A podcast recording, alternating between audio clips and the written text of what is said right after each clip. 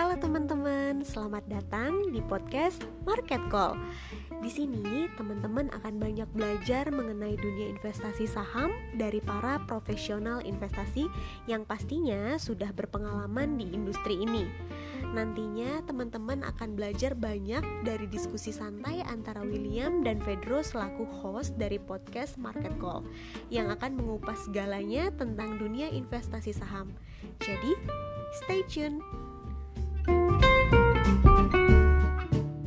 Sekarang kita masuk aja ke pembahasan utama nih bang. Yes. Um, jadi uh, seperti yang udah kita bilang, the topic for today's podcast is delusional market.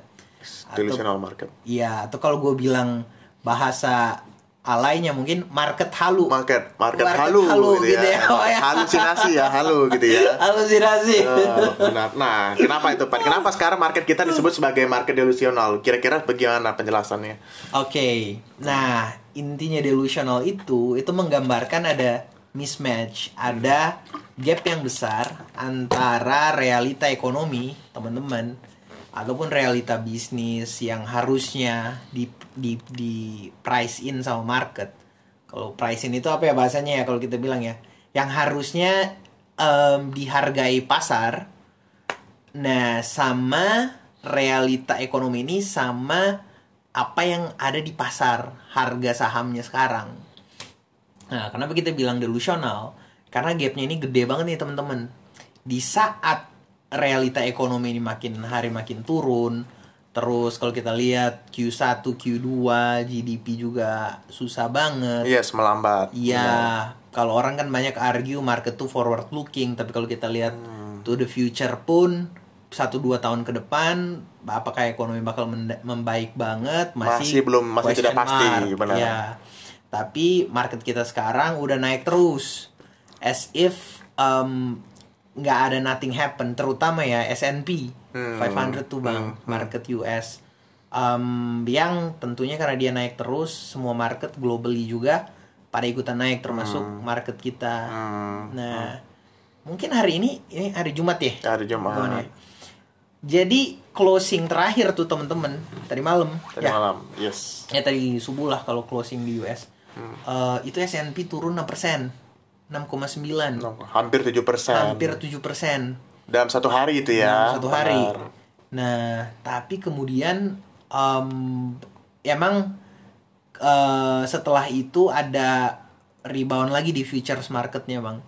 Nah, tapi di Indonesia itu market kita hari ini closing hijau, Benar. masih as if nothing happen gitu. Yes. Ya ini hari ini hari 12 tanggal 12 Juni ya teman-teman ya. Seperti Hmm. teman-teman tahu di closing hari Jumat ini tanggal 12 Juni market kita ditutup positif walaupun tadi sempat di awal transaksi Awal sempat itu- turun 2%. Ya. Ngikutin eh, ini ya, ngikutin eh, Wall Street yang Hmm. kemarin turun rata-rata turun 6%. Tapi yang menarik di closing hijau seperti di itu closing ya. Hijau dan seems like di uh, Wall Street pun sekarang kalau futuresnya bertahan terus hijau Benar. bakal open hijau lagi nih jadi as if ini wah ini market udah nggak peduliin realita ekonomi sama sekali nih bang Hmm. nah kenapa bisa ada gap kayak gitu nah kita bakal bahas di dua bagian nih teman-teman satu kita bakal bahas banyak terkait realita ekonomi sekarang nih. Benar. karena kita harus argue dong Iya. masa ya kita view-nya katakanlah bearish ekonominya emang memburuk segala macam tapi kita nggak ada argumen Hmm. one thing yang kita belajar juga di market gue yakin bang is to argue Oke. with data and the right reasoning Benar. kan Benar. the right logic nah terus kira itu jadi bagian pertama di bagian kedua kita bakal bahas tentang kenapa nih bisa delusional ini sedelusional ini karena pasti ada alasannya dong Benar. Nah, gitu. Jadi emosionalnya market, etc. itu kita bakal bahas. Nah, sekarang mungkin eh, pengen tahu view abang dulu nih Oke. terkait realita ekonomi ini gimana nih, khususnya yang di Indonesia nih. Oke, jadi begini teman-teman ya. Eh, ini memang view saya pribadi gitu ya. Kita melihat tadi seperti Feder bilang tentang di real ekonomi kita saat ini. Seperti apa sih sebenarnya real ekonomi kita saat ini? Nah, saya ingin mengajak teman-teman untuk melihat yang pertama adalah dari GDP kita. Oke. Kita tahu memang di kuartal 2 kemarin eh kuartal 1 kemarin GDP kita itu sangat rendah sekali gitu ya. Bahkan eh, walaupun kita masih positif dibanding sama US sama China yang sudah negatif gitu ya di kuartal satunya. Tapi memang banyak yang melihat bahwa ini bahwa di kuartal 2 nanti GDP kita itu akan rendah sekali bahkan minus. Nah, kalau uh, saya kasih sedikit ini ya sedikit gambaran bahwa kemarin Ibu Sri Mulyani itu ngasih indikator bahwa the worst case kita inflasi itu eh, sorry GDP kita tuh bisa turunnya tuh hanya minus 2%. Nah, tapi kemarin saya dengar-dengar uh, menteri uh, ini ya industri uh, sorry Pak Erlangga sendiri dia mengatakan bahwa uh, di Mei sendiri itu ekonomi kita tuh drop sekali dan berpotensi GDP kita tuh bisa minus 3%. Artinya itu jauh lebih rendah dari apa yang disebut case sebagai scenario. worst case skenario-nya gitu. Dan itu menjadi dan itu sumbernya tuh langsung dari pemerintah. Kalau misalnya gua mikir kayak gua dapat dari ekonom mungkin gua ngasih kurang-kurang terlalu percaya tapi ini pemerintah sendiri sudah ngasih indikasi bahwa memang di Mei sendiri memang ekonomi itu tuh bakal drop sekali seperti itu. Nah, sebenarnya kenapa uh, ini uh, yang ingin saya share juga bahwa memang di dalam struktur komponen GDP kita itu mostly masih dikontribusi oleh namanya konsum- consumption, konsumsi Benar. rumah tangga. 50 to 60% Yes, Bang, ya. dominan gitu, ya, sangat besar sekali. Jadi kalau misalnya once memang konsumsi rumah tangganya terganggu atau mengalami suatu kendala atau mengalami perlambatan itu akan berdampak sama GDP kita secara nasional. Oke. Nah, yang menariknya teman-teman, jadi ketika kita bahwa kita tahu bahwa GDP kita di kuartal 2 bakal drop sekali, itu pertanyaannya itu kenapa bakal drop sekali? Kenapa bisa jatuh sampai minus 3%? Nah, yang seperti teman-teman tahu, kita sedang menghadapi pandemi global. Pandemi global yang saat ini sekarang masih tetap berjalan, bahkan trennya masih naik ya, belum turun. Bahkan kalau kita lihat hari ini tren itu masih nambah sekitar seribuan orang, meningkat gitu ya dari se- sebelumnya 900-an dan sebagainya. Dan uh, still growing gitu, tetap bertumbuh. Nah, itu membuat memang kemarin kita lihat pemerintah melakukan namanya istilahnya PSBB, pembatasan sosial berskala besar. Kalau di luar itu lockdown ya, kalau di US istilahnya lockdown. Nah, PSBB ini ya teman-teman ketahui bahwa ini membuat aktivitas pergerakan ekonomi kita tuh sangat lambat sekali. Artinya bahwa orang dilarang untuk pertama melakukan kegiatan usaha. Uh, semua akses jalan dibatasi sehingga uh, flow perdagangan itu semua terhambat. Artinya juga implikasinya perputaran uang juga lambat. Artinya kegiatan dunia ekonomi dan bisnis juga semua jadi Lambat. terlambat juga. Benar, nah, sehingga membuat banyak sekali perusahaan-perusahaan akhirnya memutuskan untuk wah kita sedang menghadapi situasi ekonomi yang di mana demand-nya tuh rendah sekali gitu arti karena pembatasan sosial ini. Sehingga kita mereka banyak sekali pengusaha tuh yang melakukan istilah itu untuk menyelamatkan perusahaan melakukan namanya layoff atau namanya pengurangan karyawan. Karena permintaan bisnis rendah sekali diikuti juga dengan impact dari virus yang membuat orang tuh enggan namanya berbelanja, keluar, berwisata dan itu kan membuat ekonomi kita aktif perputaran uangnya tuh jadi rendah sekali karena orang nahan spending yang biasanya dia punya exposure untuk liburan ataupun nginap di hotel atau makan.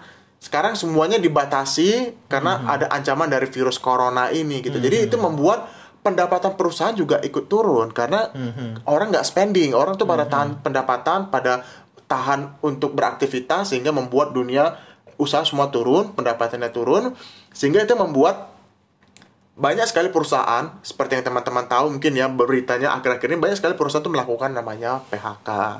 Nah, ketika jumlah penganggurannya meningkat, ketika banyak sekali perusahaan menyelamatkan kondisi keuangan perusahaan dengan cara mengkat semua jumlah uh, karyawan itu membuat spendingnya juga ikut turun. Artinya ketika gua misalnya katakan digaji misalnya 10 juta, gua tuh kan pasti udah punya pos-posnya nih. Gua pe- nanti segini untuk bayar ini, segini untuk bayar ini, segini untuk namanya jalan-jalan untuk makan. Tapi ketika gua akhirnya menghadapi tantangan dari turunnya penghasilan eh, ketika katakan mungkin biasanya step awal itu adalah dipotong dulu gajinya. Katakan 50% jadi 5 juta untuk ta- untuk bulan ini karena kita lagi menghadapi suatu situasi yang sulit biasa di kantor gitu. Itu artinya membuat kita juga mengurangi exposure kita untuk belanja di yang sudah kita pos-poskan sebelumnya. Biasanya kita makan harus sekian kita kurangi jadinya sekian. Karena ya pendapatan kita juga ikut turun gitu. Nah itu membuat uh, spending masyarakat turun sehingga itu membuat juga daya beli masyarakat juga ikut turun. Dan itu juga sudah tergambar pada inflasi kita. Di bulan Mei kemarin kalau nggak salah itu sudah minus udah satu persen sorry di, di the, the lowest inilah the lowest uh, the lowest uh, rate lah gitu di bulan Mei. Padahal seperti yang teman-teman tahu di bulan Mei itu sorry di April Mei itu kan kita masuki puasa. Ya, biasanya tuh biasanya puasa tuh puasa selalu inflasinya tuh lumayan Cakep ya. cakep. Karena orang kan ya ya teman-teman tahu lah kalau lagi lebaran puasa pasti yang terjadi perputaran uang cepat gitu. Tapi yang menarik kemarin di bulan April, eh sorry di bulan Mei, April Mei itu April sorry April inflasi kita tuh sangat rendah sekali.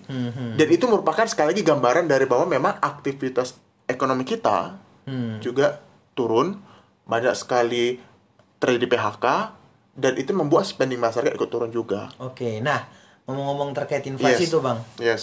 Em, ada satu sebenarnya yang gue pengen ngajak temen-temen nih. Ini Hmm. nih yang mungkin salah satu hal yang profesional pada tahu tapi Iya. em, nggak semua retail Benar. investor tahu. Jadi kalau seandainya kita mau breakdown, inflasi itu kan ada price basketnya tuh kan. Benar. Nah, mereka eh, ibaratnya ekonomi kita ini price basket inflasi yang sekarang dipakai pemerintah mungkin udah dari berapa tahun yang lalu terus di adjust adjust sedikit. Kira-kira kata katakanlah Iya. kayak gitu. Itu mungkin kalau kita lihat reading terakhir itu masih lumayan lah, mungkin 1 2% kali ya Bang ya. Benar. 2%. Maksudnya teman-teman bisa cek sendiri angka percisnya berapa.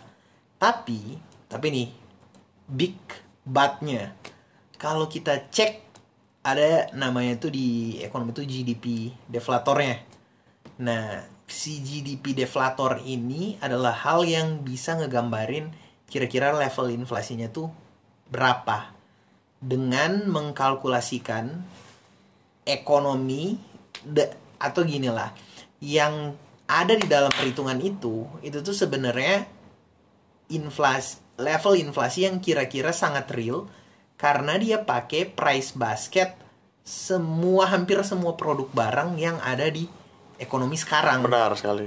Jadi lebih relevan. Nah, kalau teman-teman lihat itu, gua terakhir baca di report ekonominya um, teman dari market itu deflator kita udah 0, sekian persen. Benar. Udah Rendah almost sekali. negatif. Almost negatif, benar. Which means kita nih kalau masih makin parah nih ekonominya nih, kita bisa going through deflation, bisa deflasi dan deflasi itu em, mungkin yang teman-teman udah tahu juga salah satu momok besar buat perekonomian. Jadi jelas ya kita view-nya dalam hal ini view-nya Indonesia bakal deflasi deflasi. along with global global economics lah kira-kira. Yes. Karena apa? Nah, mungkin gue lanjutin dikit bang. Hmm, mungkin gue simple aja ya. Ya. Salah satu hal yang gue belajar di market adalah sometimes we don't have to be fancy, tapi bisa rely banyak ke common sense. Um, kalau temen-temen mungkin ngecek, gue kemarin sempet teleponan sama temen gue bang, Hmm, distributor uh, motor dan lain-lain banyak barang gitu di perusahaannya konglomerasi gitu. Nah, um, masih bagian I think affiliated sama TP Rahmat punya grup Oke, TP Rahmat ya. Nah. Hmm, Triputra ya. Hmm. Triputra. Nah, terus gue tanya, eh bro gimana barang-barang, pada laku nggak segala macem gini-gini gini, harga gimana? Hmm. Dia bilang, wah barang-barang pada inventory build up semua, Hmm. inventorinya nggak kejual, terus stuck di gudang. Iya, stuck di Hmm, gudang. hmm, hmm. Terus kan kalau supply naik, harga turun. Oke. Basic economics kan. Oke. Terus, wah, ini em, harga-harganya juga kita pada pangkas turunin.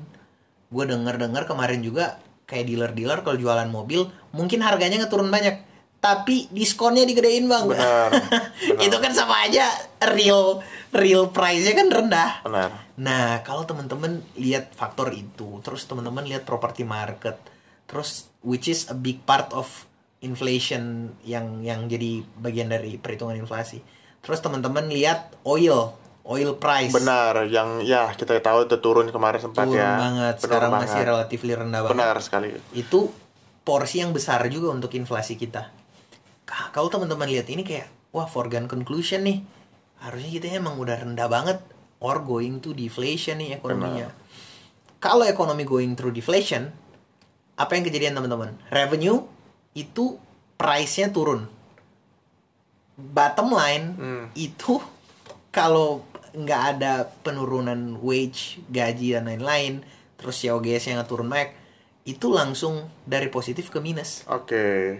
Nah, teman-teman bayangin banyak banget perusahaan tiba-tiba harus PHK, demand, volume volumenya seperti yang Abang jelasin tadi hilang banyak secara volume karena perputaran duit berkurang.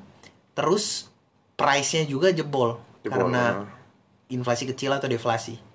Apa yang kejadian economic outlook jelek banget dan recovery orang pasti gue yakin bang kalau selama corona belum beres banget yes bakal ada recovery tapi pasti terbatas Hmm. nggak kayak previous level nih Hmm. nggak mungkin nggak Kenapa? mungkin. kira gini Hmm. nah ini partially psychology partially behavioral inilah behavioral study Oke. ini kan corona udah lumayan lama udah tiga bulanan lah let's say orang itu udah mulai kebangun habit tuh bang kalau kira-kira udah udah lebih dari udah udah dua tiga bulan itu habitnya udah kebangun kita udah consume more or less gue yakin banyak orang udah consume lebih banyak eh medicine obat-obatan vitamin segala Yes. macam Oke. dibanding biasanya kita udah lebih jarang untuk ngelakuin leisure activity Benar. kalau eh, di bandara cek sekarang udah sepi. Sepi sekali. segala macam nah itu tuh nggak mungkin bisa berubah drastis banget balik. Some of this bakal tetap kayak udah jadi bagian dari habit kita nih. Consumer behaviornya bang. Kira-kira kan kayak gitu. Nah terus bakal ada recovery nggak? Pasti. Orang ekonomi reopen orang nggak mungkin nggak mungkin nahan terus. Ntar matinya bukan karena corona tapi kelaparan. Hmm. Cuman a big question mark juga nih bang, yang kita mungkin bisa kasih portrait view ke teman-teman. Second Indonesia ini bahkan belum first wave-nya bahkan belum habis. Benar. Gimana mau ngomongin second wave, first wave-nya aja belum habis. First wave-nya gitu belum ya. selesai. Kita Belum ngomong selesai. second wave itu belum bisa karena first wave-nya belum selesai gitu Iya. ya. Dan yang paling parah sebenarnya gini, Pet. Kita memaksakan diri dengan kondisi new normal. gitu. Jadi ketika pace-nya itu masih tetap still growing dan kita maksa untuk beraktivitas normal, wah itu menurut gua sih akan cukup sedikit membahayakan ngelihat Iya. trennya ke depan seperti apa. Dan itu juga bisa ngelihat juga kita bahwa bahwa memang ekonomi kita seperti kata Ferdo itu memang recovery itu akan sangat lama sekali gitu. Bahkan gua kemarin baca beberapa sumber research bahwa Indonesia itu merupakan salah satu negara yang recovery itu bakal lama sekali katanya itu, bakal cukup telat recovery-nya karena sekali lagi mungkin mereka punya pandangan memang masyarakat kita memang kurang aware sama namanya coronavirus ini gitu. Jadi ya kita teman-teman pasti lihat lah orang masih bisa bebas keluar ke mana-mana aja selama masa PSBB dan sebagainya Betul. gitu. Jadi itu juga jadi sinyal juga memang kata Fedor bilang recovery-nya bakal lama. Nah, mungkin yang gue sedikit tambahin Fed, salah satu juga yang, yang membuat habit orang itu selama dua bulan ini akan berubah ke depan, itu istilah work from home. Ketika Nah, dulu benar. karyawan, eh, ketika dulu perusahaan membutuhkan karyawan untuk datang ke untuk sewa, jadi perusahaan pasti membutuhkan karyawan untuk datang ke tempatnya, sewa tempat mahal untuk bisa mendukung operasional karyawannya di kantornya. Next itu nanti orang perusahaan itu bakal namanya ngurangi aktivitas di kantor, ngurangi biaya sewa. Jadi dia mungkin hanya hire mungkin hanya sedikit orang dan bisa dikerjakan semua di rumah masing-masing. Seperti kok teman-teman lihat kemarin saya lihat tuh kalau saya Google itu sama uh, Twitter udah mulai menerapkan ke depannya bukan hanya selesai corona tapi ke depannya banyak sekali karyawan itu udah kerjanya juga di rumah gitu. Jadi itu juga sinyal bahwa memang banyak sekali terjadi perubahan after uh, corona selesai. Dan itu mengubah kebiasaan banyak orang dan mengubah juga habit kita uh, dalam hal uh, perekonomian juga seperti itu.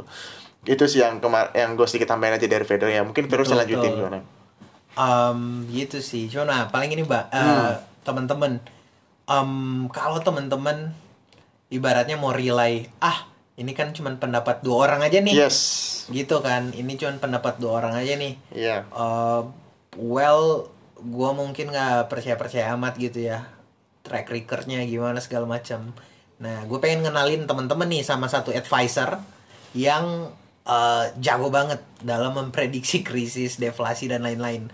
Cuman for some reason, karena kata orang mungkin manusia itu pada dasarnya rada-rada bebal juga ya bang oke ya. benar-benar Eh, kurang didengerin, which is um, the bond market. Yang kalau teman-teman bisa lihat signal-signal yang sekarang teman-teman bisa pantau di bond market, ini udah jelas banget. Kemarin orang masih bilang, oh krisis itu nggak bakal kejadian, bla bla bla segala macam. This time is different. Yang kalau kata John Templeton itu kata-kata paling mahal, paling menyakitkan, paling costly di dunia investasi. This time is different. Orang bilang nggak bakal krisis. Ketika bond market itu udah inverted yield curve-nya. Nah, kalau buat teman-teman yang belum tahu, jadi inverted yield curve itu adalah ketika uh, bond market yang bond yang jangka panjang di US itu yieldnya atau imbal hasilnya itu jadi lebih rendah dibanding bond yang jangka pendek. Nah, biasanya kalau terjadi signal itu, itu bakal ada resesi. Dan dari belasan resesi terakhir, dia cuma miss satu kali doang. Hmm, Jadi ini 90% plus akurat. akurasinya gitu ya bang Yes. ya in predicting inflation eh sorry in predicting crisis atau recession nah kalau kita mau bersandar ke situ dari I think tahun lalu atau 2019 atau 2018 akhir gitu bahkan ya itu yield curve-nya udah in- inverted 2 sama 10 tahunnya bang. Which means uh krisisnya bakal datang nih. Nggak tahu entar triggernya apa gitu kan? Tapi for some uh, bakal ada aja downside risk yang happen. Dalam hal ini yang kejadian adalah corona virus. Hmm, itu yang jadi trigger. 2008 dulu di sudut market tertentu di Wall Street uh, subprime mortgage. mortgage whatever produk yang mereka bikin ini derivatifnya dari dari this uh, bubble di property market mereka. Nah yang jadi triggernya ketika pecah. Nah em, sekarang jadi check mark krisis kita udah kejadian nih. Dan sekarang yang di price in bond market ini kalau kita lihat sekarang em, deflasi di mana-mana globally. Dan uh, di US itu bond marketnya teman-teman itu udah turun yieldnya udah kecil banget udah kemarin sempat negatif dikit kalau gue nggak salah two year-nya bang. Em, tapi kemudian naik lagi dan sekarang ini udah turun udah turun yang kalau kelihatannya ya maksudnya kalau momentumnya stays dia bakal going to negative. Hmm, nggak peduli equity market ini seberapa halu ya hmm, hmm. orang-orang seberapa halu tapi seems like bond marketnya udah pricing in deflation which means kalau US-nya deflasi Cina sekarang ekonominya dia tuh GDP-nya parah banget. Terus Indonesia rely China US trading partner yang lumayan gede. The whole world collapse. Well kasus Indonesia sendiri rasanya sulit kalau kita berekspektasi kalau kita bakal aman-aman aja Aman-aman, gitu. baik-baik saja gitu dan jangka pendek benar. Iya gitu. Jadi gitulah kira-kira teman-teman yang kayak oh my gosh, ini kayak "Ih, this is this is big loh sebenarnya resesi ekonominya. Dan after this recovery, kalau view gue sendiri nih Bang, bakal ada ibaratnya kayak double dip gitu lah. Bakal ada resesi berikutnya, kuartal yang bakal kontraksi lagi. Hmm, Entah di Q4, entah di tahun depan, hmm. tapi it will happen gitu. Nah, nggak tahu kalau abang Hmm. view-nya gimana. Nah, setelah itu mungkin baru kita mulai ngobrolin yang kenapa market saya delusional ini bang. Tapi Benar ya. ya abang ya.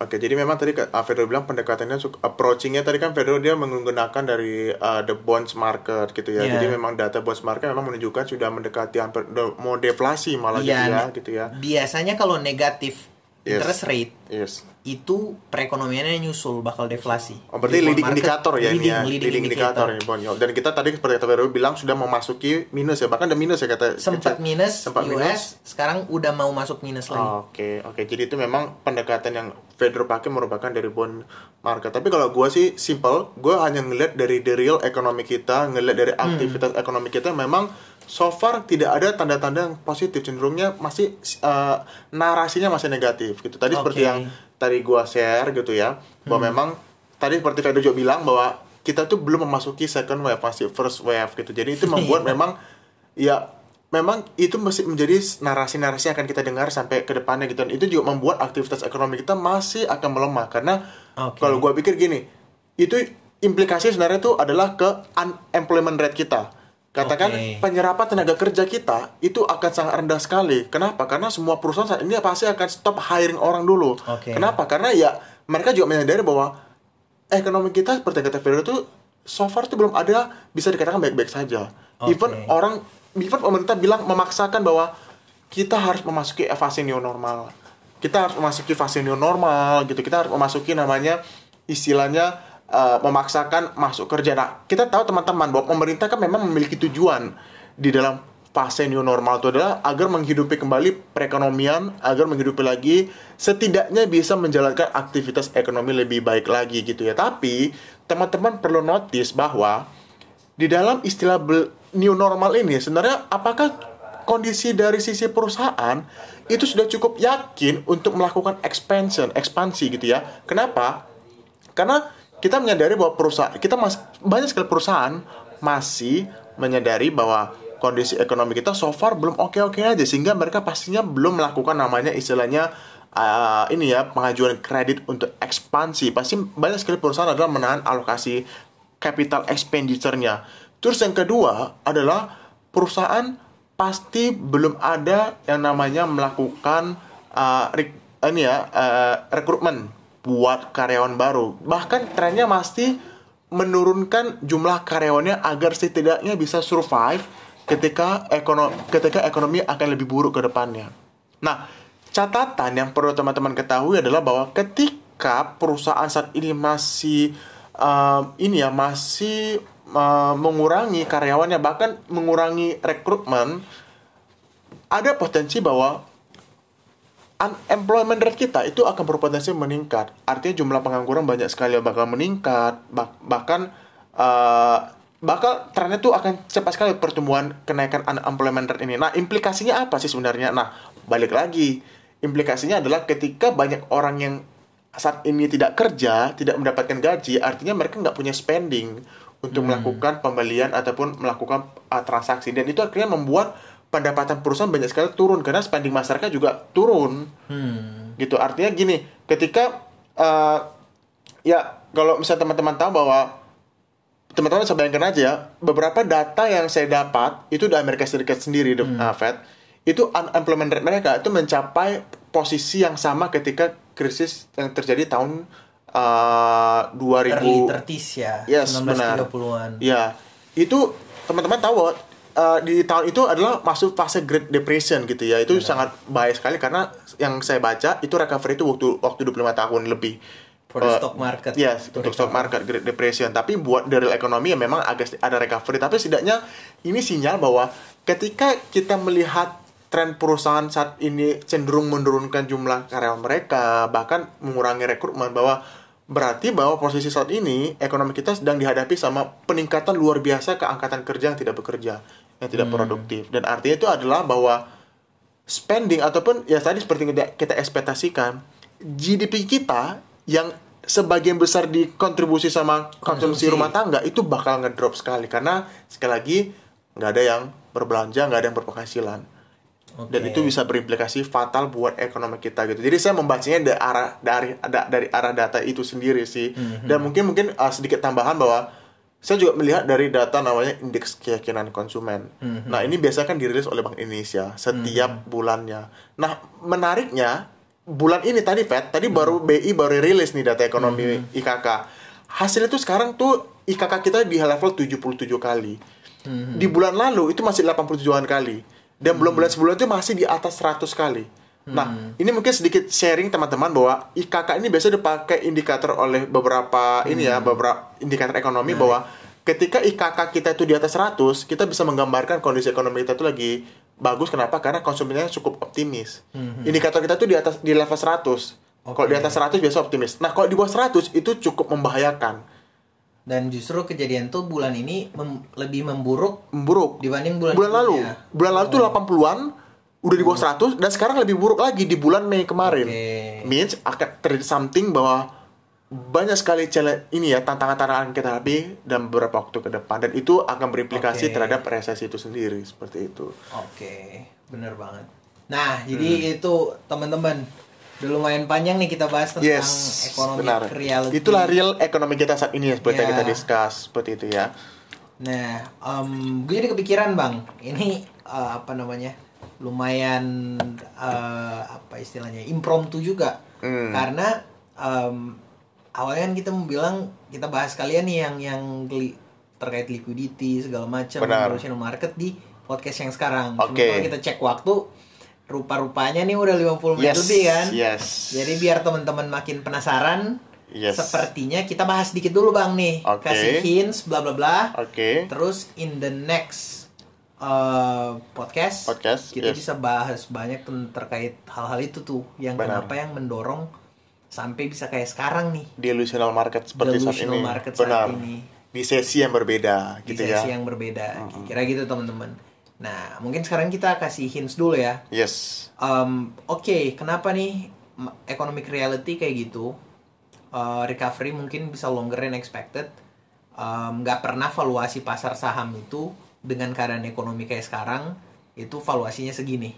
Biasanya mereka ngikutin dulu. Karena selalu ada probability teman-teman untuk ini kan bisa hancur banget kan. Yes. Nah, eh ada beberapa alasan nih buat delusi ini si bikin si market halu. Mungkin dua yang terutama bang. Kalau yang pertama itu pakai istilahnya Alan Greenspan, eh, irrational exuberance. Oke. Jadi apa itu? Um, basically orang-orang tuh udah kayak tahun 99 dulu di US itu udah bubble karena orang-orang udah nggak pakai lihat fundamental, udah nggak pakai apa, pokoknya mah beli spekulasi tingkat tinggi. Nah itu yang kejadian. Terus dua itu karena didorong sama likuiditas, meaning um, ada di US kan didorong sama quantitative easing di mana eh ketika negara print duit lumayan banyak cetak duit terus duit ini akhirnya ended up muter di pasar modal ujung-ujungnya equity market keangkat. Hmm. kira-kira kayak gitu nah Hmm. um, paling kalau from my side ntar dari saya abang ya from my side ini nih dua faktor ini gue bahas sedikit satu terkait investor psikologi nih bang Hmm. Hah, gue kemarin uh, baca di Twitter menarik banget. Jadi ada yang bilang profesional di Wall Street sana dia bilang gila banget market sekarang ini bisa dari yang kemarin kita baru ngomongin uh, ini bisa jadi lebih parah dari 2008.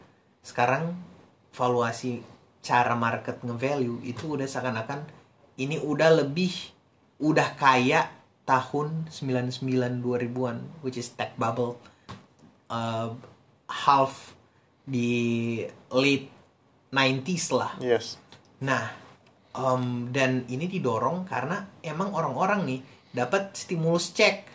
Banyak banget yang si Presiden Trump tuh Ngasih dia ngasih stimulus cek, dikasih duit semua orang. Nah, Khususnya buat karyawan di, di PHK selama masa corona ini gitu. Yes. Jadi ada semacam uh, apa dana bulanan. Kok kemar kemarin gue lihat besar tuh 600 dolar per bulan hmm, hmm. di yang dikasih Trump buat ini ya karyawan yang di PHK gara-gara corona ini. Itu sih Bener. stimulus yang dibagikan gitu. Nah, terus orang-orang nih dapat duit, nggak tahu mau diapain gitu ya. Akhirnya dimasukin lah ke pasar saham, Pasar bukan saham. dipakai untuk konsumsi. Benar. Sekarang datanya apa nih, indikatornya apa? Kalau teman-teman cek banyak, banyak banget tuh retail accounts di US itu naik bisa empat kali lima kali lipat dibanding bulan-bulan sebelumnya atau kuartal-kuartal sebelumnya. Robinhood itu salah satu ya kayak trading platform di sana itu nyatet gila banget flow yang orang new account, account openings gitu. I think so far udah 3 juta lebih orang Wow, besar sekali. Iya, which is- itu yang yang emang ni- yang baru aja ke impact tuh bang. Nah, terus, eh, nah terus si banyak banget flow kita lihat itu ke ETF market itu kan Oke. maksudnya ETF itu benar-benar kelihatan wah ini anjing emang duit retail semua Benar. tiba-tiba masuk dan ya lupa loh kalau mereka margin buying powernya bisa gede. Besar sekali Bisa dikasih. gede. Ya, cadangan lebih besar. Yes. Nah, terus um, liquidity-nya QE Fed berkali-kali bilang ini kita bisa provide unlimited quantitative easing. Wow, itu parah sekali Iya, sih. itu infinity QE. Tapi itu kita economic impact in the long term kita bahas nanti ya Bang ya. Di sesi selanjutnya. Di sesi gitu. selanjutnya. Itu. Jadi teman-teman kalau yang penasaran sama topik kita nantikan podcast kita selanjutnya. Tapi seperti kata Fedor bilang, ini akan jadi weekly podcast. Mungkin minggu depan kita akan sharing ya, atau mungkin Yes. dalam waktu dekat lah. Mungkinnya nanti teman-teman nantikan aja di podcast kita. Yang ki- yang kita akan lanjutkan topiknya tadi tentang uh, delusional market sebenarnya seperti apa dan Ya. apa penyebabnya seperti itu ya. Mungkin yang minggu depan ini lebih banyak terkait likuiditas. Yes. QE Yes. banyak banget yang ya yang yang gitu-gitu yang bikin market nih bakal kayak gimana nih dan Yes. mungkin bang dikit lagi nih penutup ini kan delusi kira-kira abang ada call market satu minggu ke depan Oh. bakal kayak gimana? Wait, ya, tapi teman-teman keep in mind ya Yes. ini in the in the short run susah banget ditebak Benar. terutama kalau kita nggak tahu banjirin Fed bakal banjirin duit seberapa gede tapi ada gambaran in the near term nih kira-kira gimana nggak bang? Oke, gue sih mikirnya gini aja sih. Gue kasih landscape-nya mungkin dalam waktu ah, satu minggu ke depan gitu ya. Tapi gue pikir kayak gini sih. Ini mungkin sedikit insight buat teman-teman bahwa market kita memang kecenderungannya masih akan dalam fase yang biris. Me- sekali lagi nge-price in semua resiko yang ini masih sedang terjadi gitu ya. Jadi teman-teman sebenarnya dari saya singkat, singkat aja. Nanti saya akan bahas di sesi selanjutnya bahwa saat ini adalah momentum yang bagus buat teman-teman wait and see dulu. Menurut saya secara pribadi, ngelihat indikator ekonominya seperti apa dan kalaupun teman-teman ingin sekali tertarik untuk masuk market, teman-teman jangan agresif aja gitu. Mungkin hanya menggunakan Setuju. at least minimal 20%. Itu menurut saya pribadi. Nah, mungkin yang lebih rinci nanti akan saya jelaskan lebih di podcast selanjutnya karena waktu kita terbatas. Jadi mungkin konklus conclusion dari saya itu aja. Stay konservatif karena kita tahu bahwa Yes. ekonomi kita masih still challenging dan mungkin teman-teman uh, ada bagusnya saat ini adalah untuk wait and see dulu sementara. Jadi itu. jangan kepengaruh ya. jangan terpengaruh. Jangan terpengaruh tiba-tiba mau banjirin duit Yes. banyak banget. Ada banyak sekali yang diskusi yang menarik kita akan bahas di diskusi podcast selanjutnya. Jadi teman-teman selalu nantikan podcast kita dan kalau bisa teman-teman follow aja account kita nggak apa-apa biar nanti setiap Yes. ada notifikasi yang baru dari kita teman-teman itu bisa so up to date gitu ya Fet ya. Yes, benar. Eh, eh, selalu mendapatkan langsung sinyal terbaru dari kita gitu. Atau mungkin eh, Edo ada ada ini Um, penutup just ataupun ada to ini close teman-teman um, ini beginning perjalanan baru dimulai. yes Um, kita pengen banget bangun relationship ini sama teman-teman for the long run. Benar Let's keep growing together. benar Nggak cuman dari kita yang bisa sharing ke teman-teman, harapannya one day teman-teman pun ini bisa jadi komunitas yang semuanya saling belajar. Benar sekali. Setuju bang? sepakat setuju Oke, siap. Oke, mungkin uh, itu aja sekilas. Uh, sampai ketemu lagi di the next uh, Podcast. podcast kita. Selamat, ma- Oke. uh, terima kasih dan sampai jumpa lagi. Sampai jumpa teman-teman. Bye bye.